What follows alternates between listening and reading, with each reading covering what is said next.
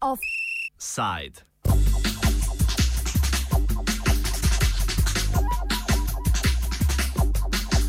Neuspešno preganjanje vojnih zločinov po protokolu.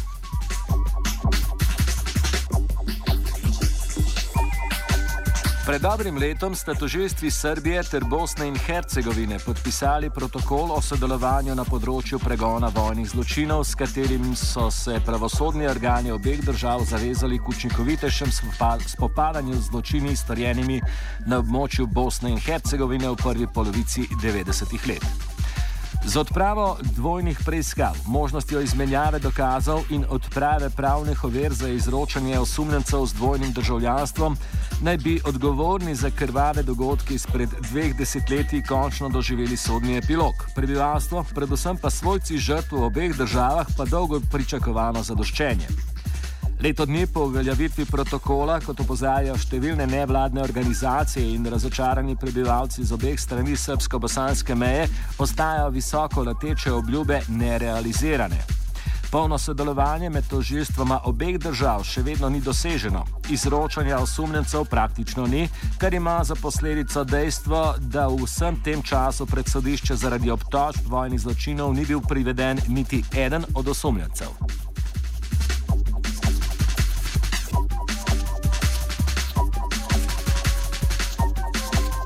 Govorili smo z Edno Mačkič, odgovorno urednico Balkanske preiskovalne novinarske mreže za Bosno in Hercegovino, ki na začetku pogovora razočarano povdarja, da je bila od vsega predvidenega okrepljenega sodelovanja to doseženo le na področju izmenjave dokazov. Podpisivanje protokola između tužilaštva za ratne zločine Srbije i Bosne i Hercegovine a, ne mogu se vidjeti, vidjeti a, o, golim okom se ne mogu vidjeti rezultati, odnosno ni jedna osoba ni, a, nije privedena pred sud, odnosno ne postoji čak ni jedna optužnica za ratne zločine. Ono što se obećavalo tim protokolom i što je bilo jako puno najavljivano, nije za sad za sad vidljivo, znači ne možemo imati nikakav konkretan pokazatelj da je to urađeno u skladu sa protokolom. Ono što imamo informacije iz tužilaštava iz Bosne i Hercegovine i Srbije jeste da, da je došlo do razmjene dokaza. Takođe, već samim potpisivanjem protokola za koji su saglasnost dali žrtve, znači da će ići žrtve iz Bosne i Hercegovine, da će ići svjedočiti pred sudove u Srbiji i da će davati svoje iskaze. Ono što se desilo da je odmah na početku bilo govora da će dva predmeta koja su u fazi optužnice u Bosni i Hercegovini, a odnose se na ratne zločine na genocid počinjen u Srebrenici, da će biti prosleđena pravosuđu Srbije jer se sumnja da se lica koja su optužena u Bosni i Hercegovini za te ratne zločine i genocid nalaze na prostoru Srbije i da će Republika Srbija preuzeti krivično gonjenje u tim predmetima. Ono što je bilo razmjena dokaza u te dva predmeta sada je tužilaštvo Bosne i Hercegovine odustalo od ustupanja tog predmeta jer a, prema objašnjenju tužilaštva Bosne i Hercegovine da fale izjave oštećenih koje traže tužilaštvo Srbije kako bi a, preuzelo kompletan predmet. Iz toga razloga je tužilaštvo BiH odustalo dok ne pribavi sve te izjave oštećenih kako bi onda kasnije zatražili a, zatražili ustupanje Srbiji. Ono što uh, znači buni kako građane tako uh, i širu takođe i pravnu javnost jest zašto se toliko čekalo. Znači taj prijedlog uh, za ta dva predmeta je povučen početkom februara kada je gotovo godinu dana od potpisivanja protokola.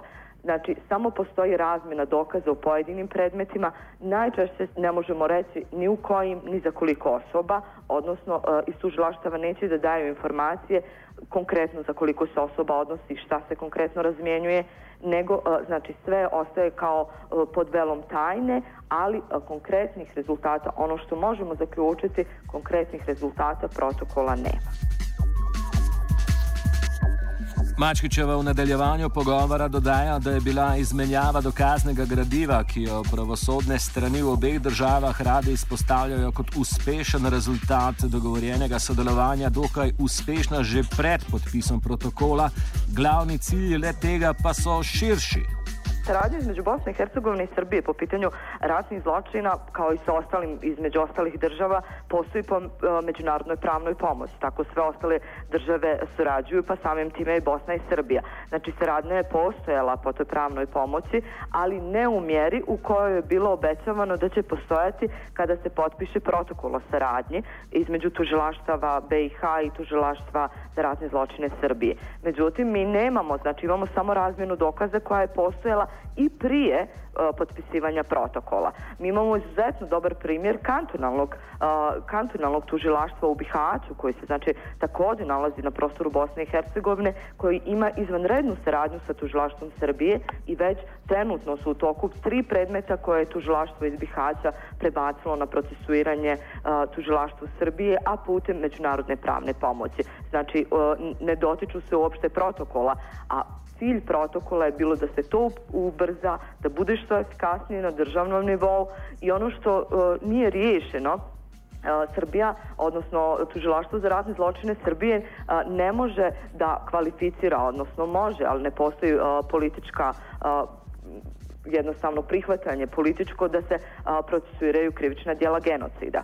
I a, kod nas se neki predmeti odnose na krivična djela genocida, pogotovo za Srebrenicu, i ako ti predmeti budu ustupljeni Srbiji, znači dolazi do prekvalifikacije djela, a, znači Srbija neće procesuirati za genocid.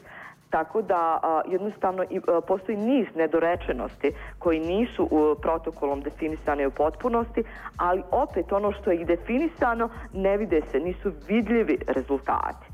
Tako da jednostavno se može zaključiti da protokol nema onu svrhu za koju je u stvari dogovore.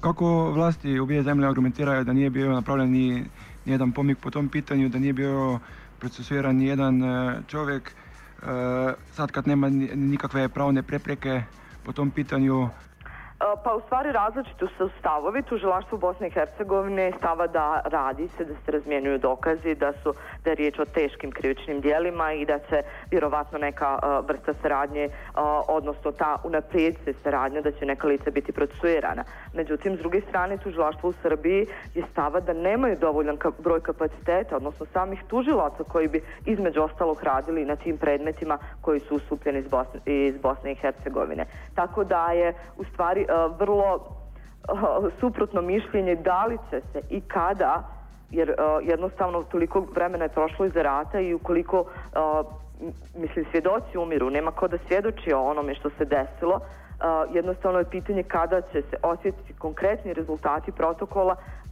ne znam kako drugačije da na neki način okvalifikujemo. Ako to bude za nekih 10 do 15 godina, mislimo da neće biti nikome ni u cilju da procesuira te predmete, jer neće biti živih svjedoka koji mogu o tome govoriti a vlasti u Bosni i Hercegovini uh, su stava kako, znači u, u domaće, tako i međunarodne, da je to stvar saradnje između dvije države, dvije institucije i da samim time ne treba uopšte da, uh, da, da se oni na neki način upleću u to. Sad, prije par dana sam zaslijedio neku vijest da je, da Beograd i Sarajevo, ako smijem tako reći, različno svačaju taj protokol, da se radi tu u suštini tog protokola ili... Pa, znate šta, o, gledano s aspekta Bosne i Hercegovine, ovaj, e, sama razmjena dokaza u stvari ne znači ništa. Ukoliko nemamo, znači, konkretno nekoga ko se nalazi u zatvoru, koje, koji izdržava kaznu za neko dijelo koje je počinio znači konkretno s aspekta tog. S druge strane, koliko Srbija može da učini, ja ne znam. O, oni, tu, predstavnici tužilaštava tvrde da je jako, u stvari, slabi su kapaciteti i ne mogu da procesuiraju u toj mere ratne zločine, koliko u stvari uh, bi mogli, koliko bi Bosna mogla da im prosledi tih predmeta, jako veliki broj predmeta, ne samo za Srebrenicu, nego i za ostalo područje, lica se nalaze u Srbiji, za koja postoji osnovana sumnja su uh, počinili ratni zločin, lica se nalaze u Srbiji. Znači da bi jako veliki broj predmeta bio u stvari dat tužilaštvu u Srbiji, što bi značilo znači da u neka doba tužilaštvo u Srbiji bude u potpunosti zatrpano predmetima iz Bosne. Tako da jednostavno pitanje je da li će i kada i u kojoj mjeri se provesti protokol ja sam stava da protokol nema nikakvu važniju snagu od razmjene dokaza, a razmjena dokaza se mogla činiti i drugim aktima koje, koje su potpisale i Bosna i Hercegovina i Srbija. Jer ima neki nadzor nad provođenjem tog protokola da, da bi da bi nakon toga što se nije ništa desilo da bi ne, ipak... Ne. Ne. Ne, e, ne postoji nikakav nadzor. E, glavni tužioci kako e, iz Srbije, tako iz Bosne i Hercegovine su osobe koje u faktički komuniciraju i, nad, i one su te koji mogu, koji su faktički neka vrsta nadzora, a da postoji neki organ koji bi to nadgledao, to ne postoji. A kako gleda međunarodna zajednica? Uh, Serž Bramerc, uh, haški uh, tužilac, glavni haški tužilac, je uveliko znači i, i gurao da se potpiše taj pro, protokol, a s druge strane i onaj sugerisao i bio jako zadovoljan što je potpisan protokol jer smatra da stvari taj problem dvojnih državljanstava između Bosne i, Srbije također i sa Hrvatskom jeste onaj nešto što sprečava procesuiranje ratnih zločina. Međutim, ja ne znam koliko može imati ulogu bilo ko a, da na neki način sugeriše da se provodi u većoj mjeri nego što ovaj je trenutno, a i da li uopšte se može provesti u većoj mjeri nego o, što je trenutno. Znači, ja o, ne kažem da ne postoji spremnost i u tužilaštvu BiH, a i u tužilaštvu Srbije da se procesuiraju predmeti i da, da ta regionalna saradnja postoji. Ali, o, s druge strane, da li ona na zadovoljavajućem nivou, znači ona nije na zadovoljavajućem nivou iz razloga što s jedne strane a, moramo postaviti pitanje koliko su kapacitetno tužilaštvo Srbije sposobno da iznese sve te predmete ratnih zločina, odnosno da li može na koji način kvaliti, od kvalifikacije dijela pa nadalje. Znači, jako je puno argumenta koji nisu u potpunosti definisani protokolom, a koji mogu spriječiti uh, znači, procesuiranje ratnih zločina na regionalnoj saradnji.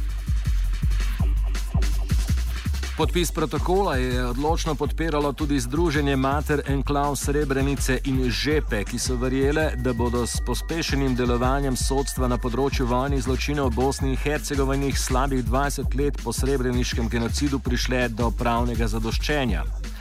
Leto dni po uveljavitvi protokola ostajajo nad njegovim neizvajanjem močno razočarane, zato so na današnjem sestanku pri tožilstvu Bosne in Hercegovine odločno zahtevale spremembe. Predsednico združenja Muniro Subašić smo ujeli ravno po prihodu srečanja na tožilstvu. Mi smo danas bili e, udruženje Pokret Majke Enklava Srebrenice i Žepe i bilo je sa drugim udruženjima kod glavnog tužioca gdje smo sa njim razgovarali na ovaj protokol koji smo mi dali sa ovaj punu podršku da se potpiše između Srbije i Bosne i Hercegovine. Međutim u tom protokolu nešto nam nije jasno. Prošlo je dugo vremena, niko se ne hapsi, a tužlaštvo iz Srbije izmišlja toplu vodu, od tužlaštva Bosne i Hercegovine traži nekake naknadno nešto, neke izjave preživjelih, oštećeni i tako dalje. Mnoge majke su umrle, a mnoge izjave smo i dali. Pa mi smo otišli kod tužioca da vidimo da li će od tog protokola nešto biti ili neće. Dali smo rok tri mjeseca, ako ne bude do hap, došlo do hapšenja zločinaca koji je ima 250 ovaj što je glavni tužilac iz, iz Srbije izjavio da se nalazi u Srbiji Vukčević a ako ne dođe do hapšenja tih zločinaca mi kao udruženje i kao majke preživjale genocid mi ćemo tražiti da se taj protokol ovaj raskine. Mi nećemo više davati podršku za taj protokol i nećemo vjerovati više u taj protokol Ovaj, također smo sa glavnim tužiocom razgovarali o eksumacijama gdje nismo zadovoljni jer moraju biti razmjene informacija o eksumacijama i, i u Hrvatskoj, i u Srbiji, i u Bosni i Hercegovini i naš je cilj da sve majke koje su izgubile svoju djecu da prvo dođu do kostiju, da se ovaj, ovaj izvrše eksumacije, da se privedu odgovorni, da se zaustavi zločin i da se kazne počinioci. Možda kakav je bio odgovor života? Pa znate da i sad i sudstvo i tužlaštvo i svi drugi odgovaraju onako kako njima ovaj e, odgovara. Obećavaju sve ali mi kao žrtve još to nismo osjetili. Znači, mi smo rekli, ja sam lično rekla glavnom tužiocu, tri mjeseca ćemo čekati, ne bude bilo hapšenja. Nama je najvažnije da zločinci izađu pred lice pravde i da odgovaraju za ono što su učinili, što su poradili. Nemamo mi majke dva života. Jedan da čekamo kad će se oni dogovoriti i drugi da, da trošimo. Ili, i to nije više važno zbog meni, ja znam pravu istinu, nego bi bilo važno zbog naše djeci koja ostaju iza nas, zbog mladi, zbog budućnosti, zbog povjerenja, zbog pomirenja i da imamo Bosnu i Hercegovinu i, i, i da imamo susjede, iskrene susjede gdje se možemo uvijek na, osloniti na njih u pitanju pravde, pravednosti, pravilnosti, povjerenja i svega drugog.